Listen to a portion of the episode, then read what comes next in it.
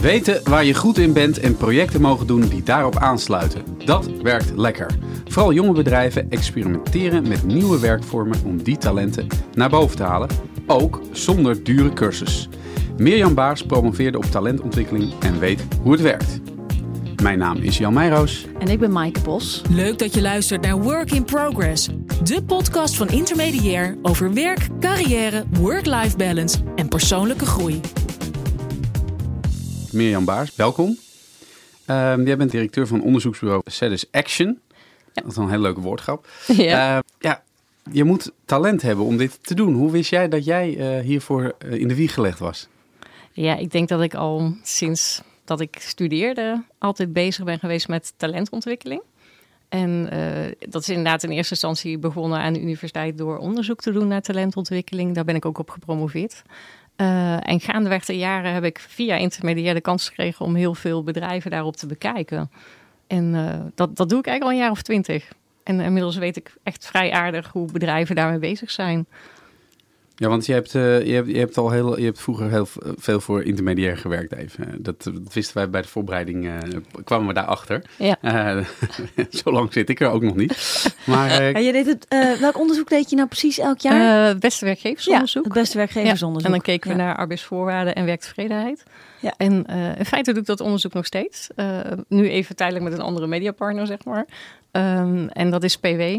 Dat, die, dat is een uh, vaktijdschrift voor HR-medewerkers. Ja. En die zijn binnen Nederland daar eigenlijk uh, heel goed mee bezig. En we noemen het tegenwoordig Nationaal Onderzoek naar Talentontwikkeling. Wat is talent nou eigenlijk? Wat is ja, het nou? Dat is een hele goede vraag. Ik denk dat als je, als je naar je eigen talent kijkt, dan moet je talent niet zozeer zien als iets waar één iemand heel goed in is en dat dan een talent is, maar gewoon iets waar je zelf heel goed in bent. En het mooie van talent vind ik eigenlijk dat iedereen talent heeft. En gelukkig zijn bedrijven zich dat steeds meer aan het realiseren. Uh, als je kijkt naar 20 jaar geleden, waren bedrijven vooral bezig met: oh, we gaan op zoek naar de mensen die fantastisch presteren. En dat groepje, dat gaan we helemaal opstomen via een high potential programma. En als we die eenmaal opgestoomd hebben, dan krijgen ze allerlei hogere managementfuncties. Dat was eigenlijk de standaard manier van denken. Uh, en je ziet nu dat bedrijven zeggen van nee, we, gaan kijken en we gaan mensen helpen om hun eigen talent te ontdekken. En om dat zo optimaal mogelijk in te zetten.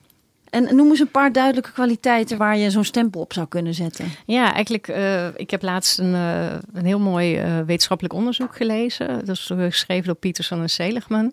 En die zijn op zoek gegaan naar wat zijn nu de universele talenten. Ja, we hebben universele emoties. Je kan boos zijn, je kan kwaad zijn, je kan vrolijk zijn. je kan bij wijze van spreken ook verliefd zijn naar allerlei varianten daarin. Um, maar je hebt ook eigenlijk universele talenten. En die zijn heel simpel muzikaal talent of zo, ik noem maar wat. Of is dat ja, ja nou, dat, dat zou ook als talent gezien kunnen worden. Um, die, die, universele talenten die zij onderscheiden. Ik vind dat ze het mooist herkenbaar zijn aan de hand van uh, mensen die we met z'n allen ook bewonderen. Hè. De, Nelson Mandela bewonderen wij. En, uh, Dalai Lama vinden we heel interessant. Einstein is natuurlijk altijd iemand die je nog altijd terug ziet komen. tegenwoordig ook Elon Musk wat is nou de kwaliteit die bij elk van die personen hoort? Ja, ik denk als je het hebt over Einstein, nou dat kun je zelf invullen. Wat, wat doet Einstein? Ja, een soort van uh, oorspronkelijk denken zou ik denken. Ja. En ja. volhouden, volhardendheid. Precies, dus wijsheid, kennis, oorspronkelijk denken inderdaad. Dus hij is heel erg met kennis altijd in de weer geweest. Elon Musk, wat denk jij aan dan? Ik vind het vooral een flamboyante patser eigenlijk. Oké, okay, nou, je kunt me heel mooi te narcist misschien. ja. Maar ook een maar goed, ondernemer wil... puur zang, ja, Absoluut. Ja. Bedoel, hij, wat, hij, wat, hij, neerzet is natuurlijk wel heel knap. Op een hele disruptieve manier. En, ja, wat, wat we er, de gewone man en een gewone vrouw, uh, aan hebben. Ik bedoel, natuurlijk de Tesla's van hem. Maar auto's de ruimte inschieten, ja, dat vind ik vooral stunten. Ja. Maar wat, hoe zou jij, wat is zijn ja, waar, waar heel veel ondernemers hem heel interessant in vinden, is dat hij absoluut moed heeft. Ja. Dus hij, hij denkt niet klein, maar hij weet ook inderdaad uh, ja, trips naar Mars. En, en dat is super interessant eigenlijk. En, en dat is ook een talent wat sommige mensen hebben. Uh, nou, als je het inderdaad hebt over de Nelson Mandela's, nou, waar denk je aan? Uh, verbinden, vergeving, dat soort dingen. Ja. Ik weet niet of dat een talent is, vergeving, vergevingsgezindheid. Ja, het zit wel wat, wat hij heel sterk heeft en, en dat klopt. En, en dat mooie is eigenlijk de combinatie met verbinding, maar hij is heel erg van de rechtvaardigheid. Oh ja. Want ja. hij heeft eigenlijk uh, ja, in die zin ook Nederland een beetje aangepakt. Hè? Dat hij zei van ja, jullie hebben ons jarenlang onderdrukt. En ik zie de effecten in mijn land. En ik vind dat onze zwarten daar helaas uh, heel erg de dupe van zijn geworden. En hij was daar zo van overtuigd dat dat een heel belangrijke missie voor hem was. Dat hij inderdaad dankzij ook het talent om te verbinden met andere mensen, dat voor elkaar heeft gekregen om dat op een ander niveau te krijgen. Ja. Dat is enorm knap geweest. Ja. Dit zijn best wel grote Ja, thema's. ja, Hè, als je gewoon bij een bedrijf werkt. Ja, je hebt een bepaalde studie gedaan. Wat niet per se altijd aansluit op hetgeen wat je dan gaat doen. Ja. Hoe weet je dan eigenlijk dat je goed bezig bent voor jezelf? Dat je denkt, ja, dit is mijn talent. Ik bedoel, eh, basaal is natuurlijk, vind ik het leuk om te doen? Dat zei mijn vader altijd, ga gewoon iets studeren wat je. Ja. leuk vindt. Ik heb eh, eerst 16 eh, verschillende dingen gedaan.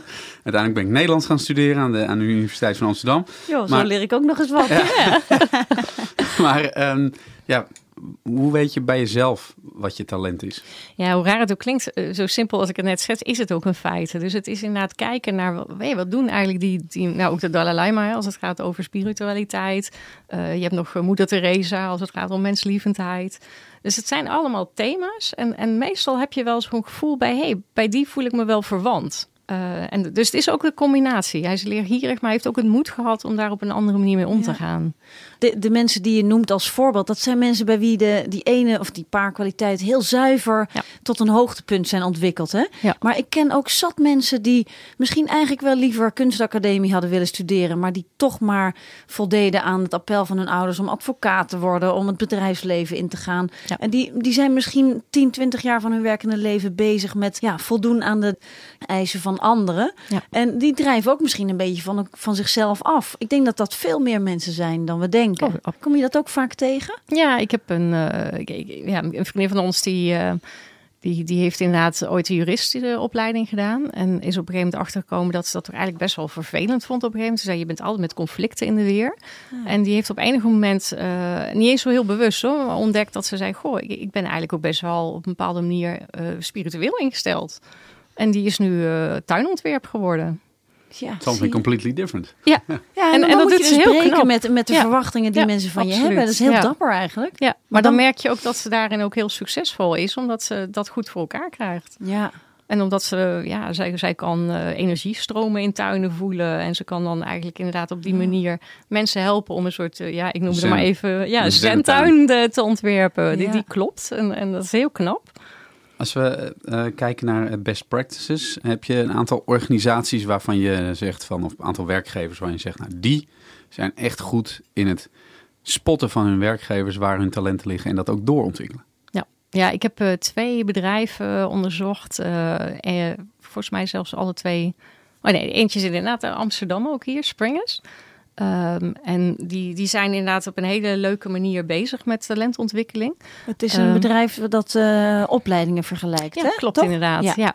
Ja. wat zij heel mooi doen, zij hebben een andere manier van organiseren geïmplementeerd. Ehm, dat noemen ze eh, met een hele mooie term holocracy. Eh, en holocracy, ja, dat, dat is een manier van organiseren waarin je de organisatie zo plat als een pannenkoek maakt.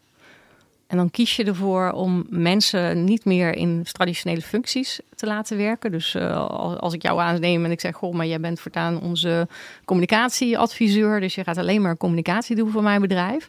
Dat doen ze dus niet meer. Dus eh, ze, nemen jou aan en ze zeggen, goh, eh, ja, je, je gaat gewoon aan de slag hier. En, en ga maar gaandeweg in circles ga je dan werken. Ontdekken waar, waar jouw takenpakket zou moeten liggen.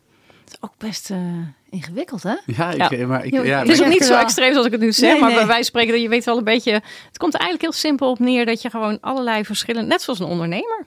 Ja. Een ondernemer is iemand die, die is zijn eigen secretaresse, maar die doet ook eh, de boekhouding en die zorgt ook voor de acquisitie en die zorgt ook eigenlijk voor alles. Ja, dat is juist zo vervelend dan ondernemer zijn. nou, de, Ja, maar het leuke, ondernemer dan. ja, maar het leuke is dan weer wel dat, dat als je dat in zo'n context van een bedrijf doet, dan zeg je ja, ik weet je wel, ik vind eh, boekhouding helemaal niet leuk, dus laat je lekker je collega doen. Ja. Maar ik vind bijvoorbeeld als je het hebt over acquisitie weer wel heel leuk. Dat ga je dan heel erg op richten. Maar misschien zeg je, ja, acquisitie vind ik leuk. Maar ik vind misschien de communicatie ook wel weer leuke taken daaromheen. Dus gewoon, eigenlijk maak je dan je eigen takenpakket. En daardoor wordt er een soort fluïde systeem ontwikkeld. Eh, maar dat is super gestructureerd. Dat klinkt heel chaotisch zoals ik het vertel. Maar er zit een hele systematiek onder van Brian Robertson. Die heeft dat ooit ontwikkeld. En die heeft ook helemaal beschreven hoe dat werkt. En uh, ja, het is ook weer gebaseerd op het gedachtegoed. En dat kennen we allemaal. Uh, Getting Things Done van Ja. David Allen. Ja, ja, ja. Daarvan weet iedereen dat werkt. Ja, Eh, nou je zegt de Springers doet het goed, maar zijn er ook bijvoorbeeld eh, bedrijfjes die een aspect hebben ingevoerd waardoor net wat meer lol of rust of, of ontspanning ontstaat en dus talent kan groeien?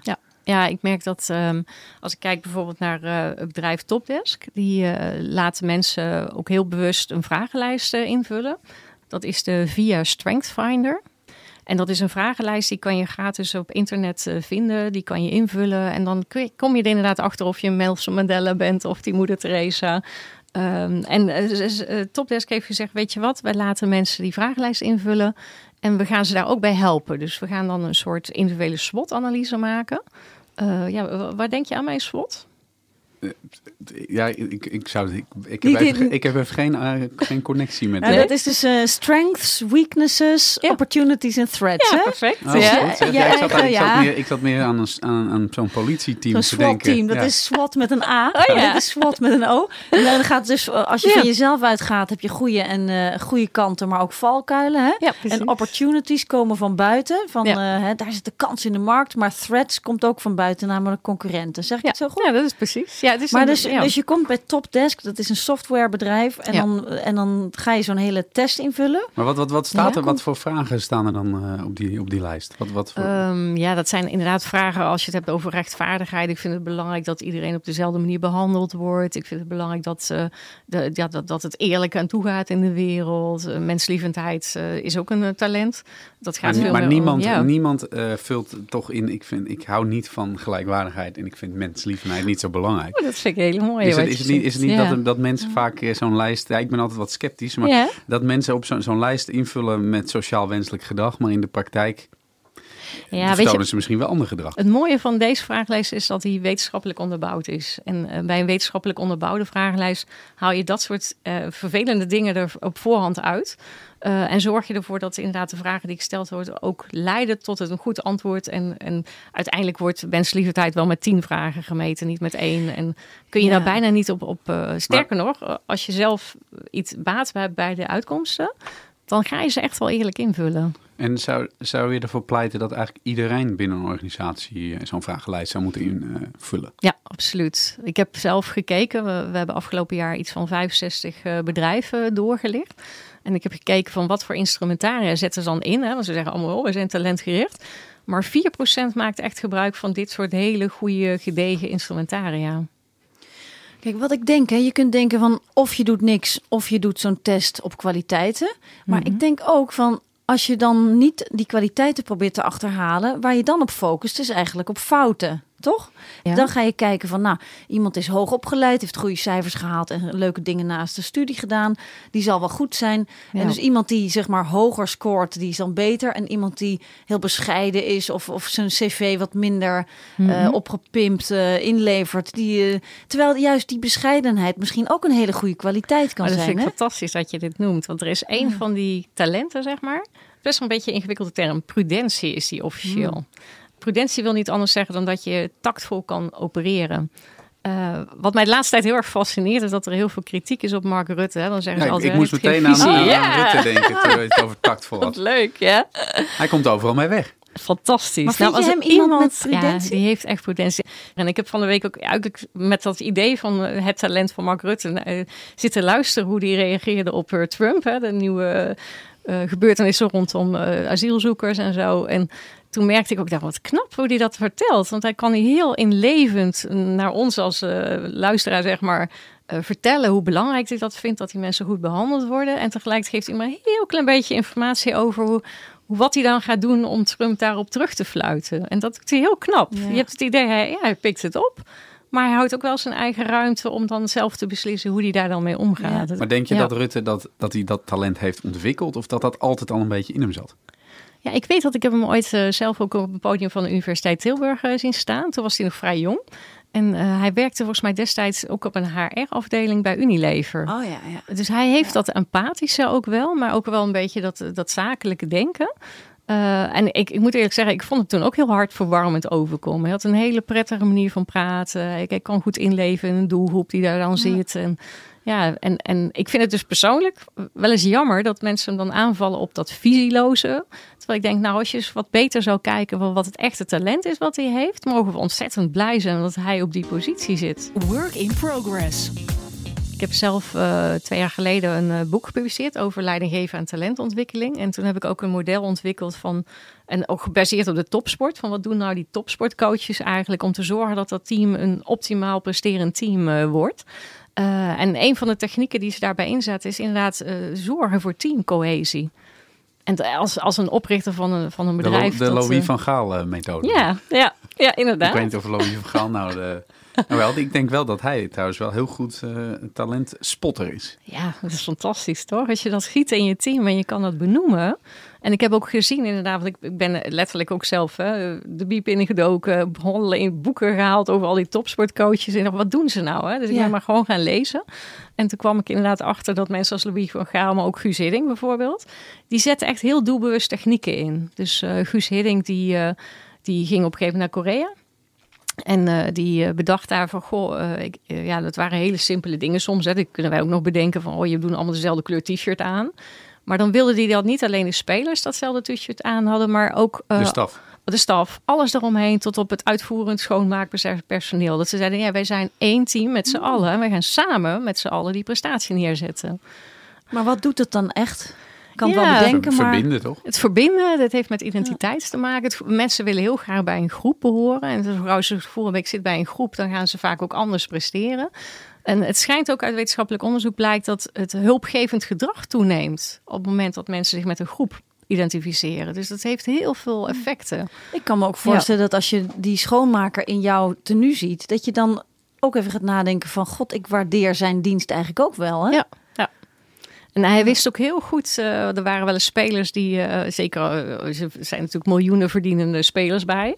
en die hadden nog wel eens de neiging, omdat ze dan te, te laat kwamen bij een training, om dan een beetje zo, ja, dat was dan hun manier om uit te drukken dat ze eigenlijk wel iets belangrijker waren dan de rest.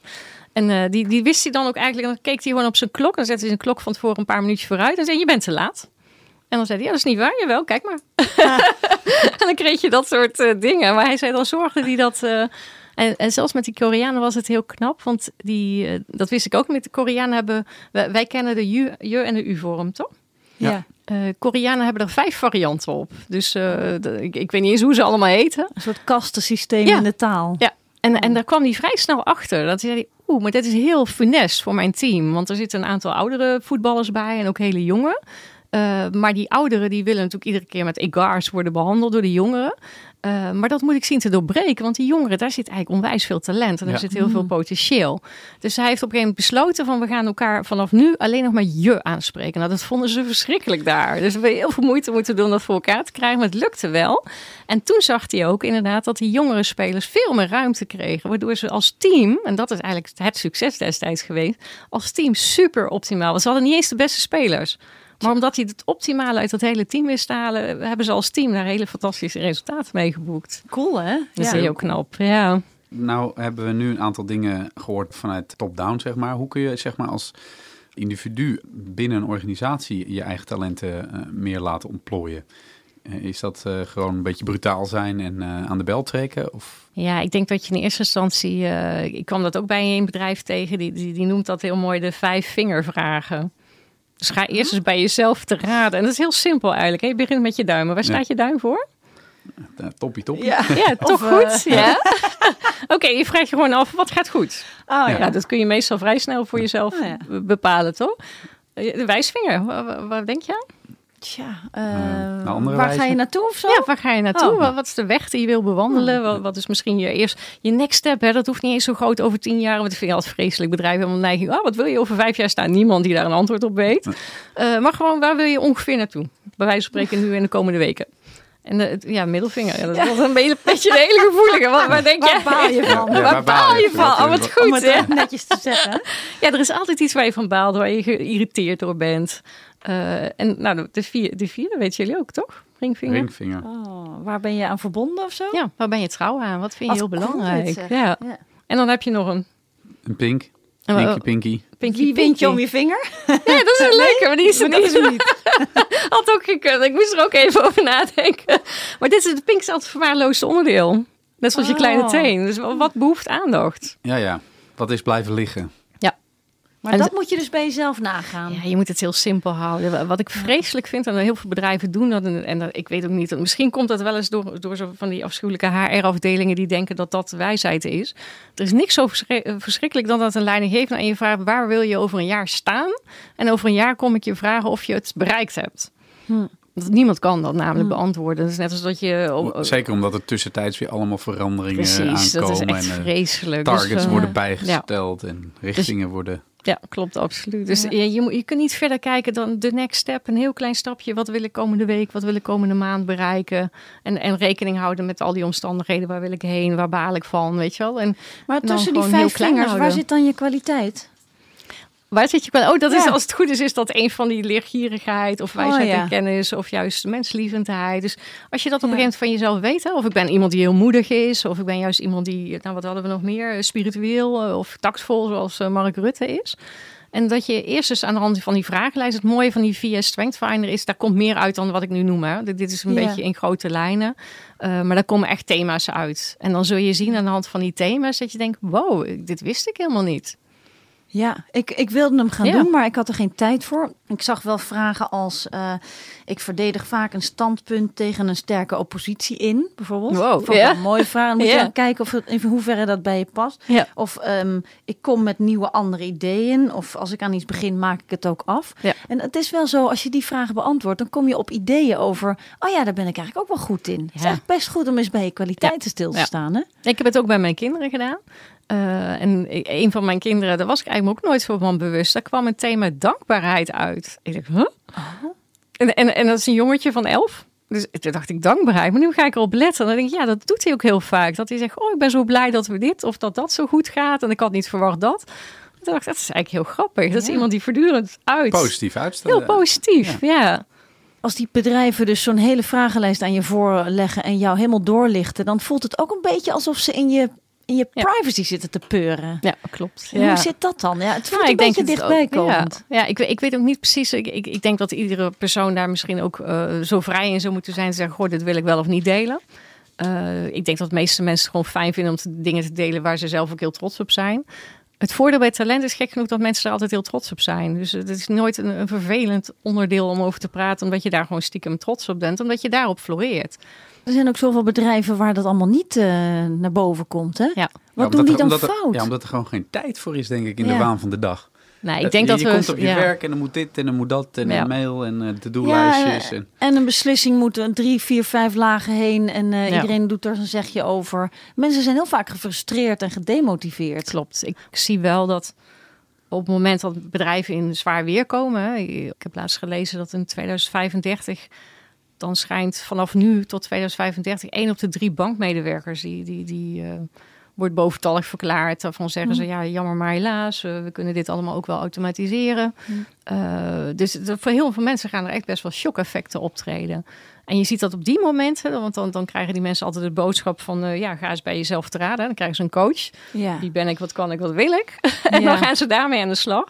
En dan komen ze soms op hele nieuwe inzichten over zichzelf. Waardoor ze eh, ja, erachter komen dat ze zeggen... oh, maar dit kan ik dus blijkbaar ook. Sterker nog, dit past misschien nog wel beter bij me. Maar je ziet vaak dat die mensen dan niet heel anders gaan doen. En een eigen bedrijfje of een eigen food truck of zo. Hè? Ja. Maar ze gaan altijd uit het bedrijfsleven weg of uit Ja. de advocatuur weg. Ja, klopt. En ja. dat is zo jammer. En dat vind ik wel interessant Ja, aan dat hele idee van die hol holacracy. Of holacracy. Dat staat tegenover bureaucratie hè? Ja. en hiërarchie en zo. Want er zijn dus ook manieren om binnen wat grotere bedrijven meer zelfsturing te krijgen en meer eh, ja. ja, andere taken op te pakken, andere rollen. En toch denk ik ook Ja. van wat dan als één iemand die lekker gehaaid is, steeds de leuke, de leuke rollen voor je neus wegpikt. Het lijkt me ook wel helder als er dit dingen gewoon vast liggen. Toch? Ja. ja, dat heeft zo zijn voordelen. Het Je kunt komt wel. zo Dat zijn- gemarginaliseerd Ja, raken. dat is ook wel interessant wat je dit zegt. Want dat, eh, dat, dat hoorde ik inderdaad iemand vertellen van ja, je hebt ook mensen die, die vinden eh, gewoon een functie wel heel prettig. Eh, Laat mij maar Ja. lekker de boekhouding doen. En eh, ik heb mijn eigen speelveld hier. En ik hoor het wel als er iets verandert. En dan pas ik me wel weer aan. nou ja, en, en Ja. daarbij heb je natuurlijk ook gewoon hele specialistische functies. Ik bedoel, een, Ja. een hartchirurg die gaat niet opeens eh, Nee, nee gelukkig Nee. niet. iets anders doen. Of, Ja. Ja, ik denk dat wat, wat heel belangrijk is tegenwoordig, uh, want dingen gaan ontzettend snel, hè, banen veranderen snel. Uh, zelfs ook voor die hartchirurg. Uh, die wordt glashard ook ingehaald door robots. Want van robots is bekend dat die veel beter en preciezer kunnen opereren dan welke chirurg dan ook. Mm. en dan zie je steeds meer een samenwerking ontstaan. Dus de chirurg doet wel bepaalde dingen, maar echt precisietaken laat hij ook tegenwoordig steeds vaker een robot uitvoeren. Um, dus, maar die, die mensen moeten zich ook steeds meer afvragen dan... oké, maar als ik samen ga werken met een robot... wat is dan mijn toegevoegde waarde? En dan kan het best wel eens zijn dat uh, de toegevoegde waarde van een hartchirurg natuurlijk is dat hij jouw uh, hart uh, goed behandelt. Maar dat kan ook zijn dat hij misschien meer empathisch inlevensvermogen moet gaan ontwikkelen. Zodat jij goed geïnformeerd wordt over wat houdt nou bijvoorbeeld die operatie precies in. Voor die patiënt, ja. ja. Work in progress. De clue om het beste uit mensen te halen is alledaags leren. Ook, Dat sluit hier natuurlijk ook wel een beetje op aan. Wat houdt het precies in? Ja, dat is eigenlijk gewoon dat je, en, en daarom vind ik dat holocracy zo fantastisch. Werkgevers, maar ook mensen zelf moeten zich realiseren. Het meeste leer je gewoon in je werk zelf. Door de activiteiten die je oppakt. Uh, we denken heel vaak leren, dat is een beetje schools. Hè? Dan, dan moet je naar een cursus of een training. Dan kom je terug en zeg nou, ik heb weer wat geleerd. Als jij naar een training gaat van eendaagse training dan schijn je maar ongeveer 10% van wat je daar geleerd hebt toe te passen op je werk. Dat is afschuwelijk weinig. Als je bedenkt dat je een dag weg bent geweest, ja. dat kost jouw werkgever geld. Uh, de cursus zelf kost nog wat. Je hebt dan misschien gewoon een extra verblijf gehad, noem maar op. Dus investeringen zijn enorm. Maar het effect is heel minimaal over het algemeen. Dus wat eh, bedrijven nu steeds meer doen, en, en Holocracy, maar uh, en Achmea doet dat ook. Die zeggen ook van we willen dat mensen veel meer ook in projectgroepen gaan werken, veel meer fluïde functies gaan krijgen, veel meer projectachtig gaan werken. En daardoor creëer je een, een hele rijke werkomgeving. En eh, zodra je een rijke werkomgeving hebt waar je voortdurende variëteit aan verschillende dingen kunt oppakken, uh, dan ontwikkel je jezelf ook veel sneller. En dan zie je ook veel sneller de kansen en mogelijkheden, word je innovatiever. Ja, dit ehm, klinkt natuurlijk als het, het ideaalplaatje, maar eh, wat er dan misschien ook nodig is, is zo'n kaartje op je bureau met, met dit zijn mijn kwaliteiten. Hè? Ja. Dat doen... ja. ja, dat doet ook. Uh, ja, ja maar, maar dan nog blijft die vraag van God, als al die taken zo open liggen, hoe zorg je dan dat jij de leuke taken op je bord krijgt? Ja, om de, door inderdaad in die verschillende cirkels te gaan uh, participeren. Uh, er, er, is overigens niet zo dat, dat die bedrijven geen enkel leiderschap kennen. Nee. Dan heb je per cirkel, noemen ze dat. nou, noemen ze wat, een, een cirkel rondom marketing, maar je hebt ook een cirkel rondom boekhouding. en daar zit wel een teamlead op. Dus daar is iemand verantwoordelijk voor dat onderdeel marketing. En die verzamelt dan eens in de week, bij wijze van spreken, een aantal mensen die met marketing dan bezig is. En die vraagt dan alleen maar aan die mensen: Goh, uh, en dat vind ik een heel apart woord, maar dat, dat is dan in holocracy de term. Ja, die bevraagt spanningen. En dat is eigenlijk onze middelvinger, hè, waar we het straks over hadden. Van, van oh. waar, waar, baal je van? Wat loopt niet lekker? Wat, wat... En, en, dan, uh, en dat vind ik heel knap van die methode. Dan zeggen ze tegen elkaar: Oké, als we nou deze spanningen benoemen, heb je ook ideeën hoe we het kunnen oppakken om dat te veranderen? Nou, dat kun je zelf inbrengen. En dan mag er blijkbaar, uh, dan wordt eigenlijk 99% uh, van jouw ideeën overgenomen. En maar een heel klein percentage niet. Want als maar één iemand opstaat en zegt: ja, maar dit kan echt onze organisatie schaden, dan mag het niet gebeuren. Dus en daarmee leg je het leiderschap dus ook heel laag in een team. Hmm. En, en, en, als je dan echt die, die via Strength Finder ingevuld hebt en beter weet wat je kwaliteiten zijn, dan durf je dat misschien ook met meer gewicht te zeggen in zo'n situatie. Sterker nog, jouw eigen werk wordt leuker op het moment dat je erachter komt. En het hoeft niet altijd binnen die cirkel dan opgelost te worden. Dus het kan best zijn dat je iets, iets aandraagt waar je zegt, ja, ik heb een idee, volgens mij moet het zussen zo anders doen. Waar die andere cirkel van de boekhouding eigenlijk iets mee te maken heeft. En dan gaat wel die teamleader, uh, teamlead van jouw cirkel, marketing, uh, praten met de teamlead van uh, die andere cirkel, boekhouding. En die gaan dan kijken, kunnen we dit oplossen? Dus het werkt ook onderling prettiger. Ja, ik vind het, een soort uh, utopie eigenlijk. Ja. Het, het, klinkt heel mooi, maar ik, ik denk ook meteen weer... Volgens mij betekent dit ook heel veel vergaderen op een of andere manier. Heel veel overleg. En toch hoor ik daar niet over klagen. Maar zij zeggen ook, uh, en dat is denk ik het slimmer daarvan. Ze zeggen, het is niet een overleg om elkaar over van alles en nog wat te informeren. Want daar raken mensen echt behoorlijk uh, gemotiveerd van. Hè? Dan gaan we het weer hebben over wat allemaal niet loopt. En dan weet je dat de volgende keer daar weer over hebt. En dan komt er nog niks uit. Maar... Uh, ja, volgens mij bij Springers noemen ze dat ook het do it now. Dus dat het getting things done uh, denken. Dus op het moment dat je iets oppert, moet het ook meteen opgelost worden. En, en dat maakt het heel krachtig. Dus dat geeft natuurlijk ook veel meer dynamiek aan zo'n overleg. Omdat je er niet zit om met z'n allen weer te benoemen wat allemaal niet lekker loopt. En nog eens te herhalen wat er allemaal informatie is. Maar je gaat alleen maar over vergaderen over dingen die niet lekker lopen. Met ideeën erbij van hoe kunnen we het oplossen. En daarna is het opgelost. Hebben deze bedrijven ook minder burn-out uh, uitval? Dat heb ik niet gemeten. Ik zou het wel willen zou weten. ik zou wel denken dat, dat mensen dan wat meer, um, ja, meer, hun eigen takenpakket in de hand hebben. Hè? En beter weten wat ze nou, vanuit de, de, organisatiepsychologie wordt, noemen ze dat regelmogelijkheden. Dus je biedt mensen heel veel mogelijkheden om heel autonoom in hun werk alle dingen naast hun uitvoerende taken, ook uh, ja, de, de, uit, wat, de coördinerende taken, daar hebben ze heel veel invloed op. En, en dat geeft mensen heel erg weinig gevoel van stress, maar heel veel gevoel van controle. En ik kan dingen beïnvloeden als, als het mijn werken belemmert. Ja. Ja, wat ik nog wilde vragen, Mirjam, is dat hele idee van... er is een bedrijf dat dus bijvoorbeeld vier keer een kort functioneringsgesprek houdt... en niet één keer per jaar zo'n zo'n bijltjesdag uh, idee met een heel lang uh, uur daarover praten. Is dat ook uh, handig voor talentontwikkeling? Is dat, maakt het dat wat luchtiger? Ja, absoluut. Dat is inderdaad het internetbedrijf Byte, die doet dat. Hm.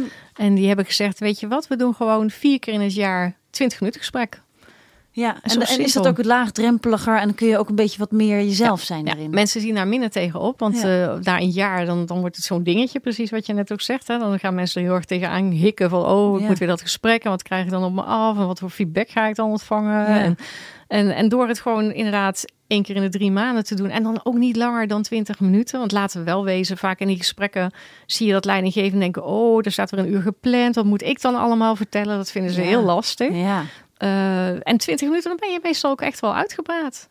Ja, en dan kun je ook natuurlijk als, als leidinggevende en als werknemer kun je bijsturen. Hè? Van, Is het dan ook bij die bedrijven of bij dit bedrijf specifiek meer gangbaar om ook je fouten te kunnen toegeven en daarvan te leren? Ja, ik, ik schat dat in van wel. Ik heb dat natuurlijk verder niet precies onderzocht. Maar ik denk dat mensen dan, uh, juist omdat het vaker gebeurt, uh, zich ook kwetsbaarder gaan opstellen. Het wordt veel meer een informeel gesprek dan een van, oh, we leggen dit eens vast in een documentgesprek. Uh, uh, en wat ik begreep is dat ze dan drie keer per jaar 20 minuten doen. Eind van het jaar zeggen, ja, dan moeten we het ook over salaris hebben. Dan doen we de 40 minuten.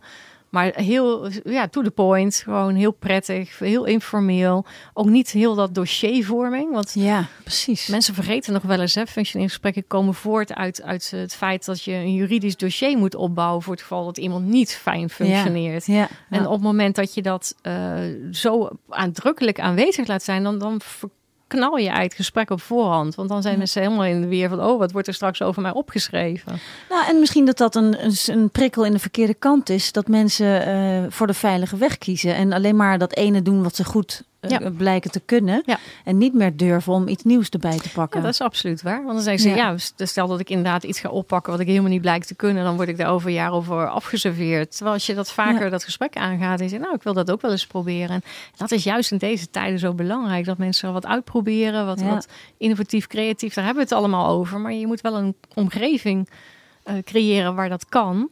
Ja, en, ja, ja, zeggen, en, en samengevat, het is dus ook zo dat je dus die, die omgeving kun je creëren, maar het is ook wel goed om te beseffen als je die kwaliteiten onderzoekt bij jezelf, dat ook kwaliteiten die je niet van tevoren had uh, op waarde had geschat, dat die dus ook heel belangrijk kunnen zijn. Ja, en dat je daar ook voor kunt staan. Bijvoorbeeld uh, behulpzaamheid of zo, dat heeft toch echt minder status dan eigen gereidheid. Ja, nee, absoluut. En het levert minder zichtbaar succes op. Maar als jij nu weet van ik ben heel behulpzaam en ik let heel goed op de groep uh, de dynamiek, dan kun je daar ook dan hè, meer voor staan. Ja, absoluut. Ja.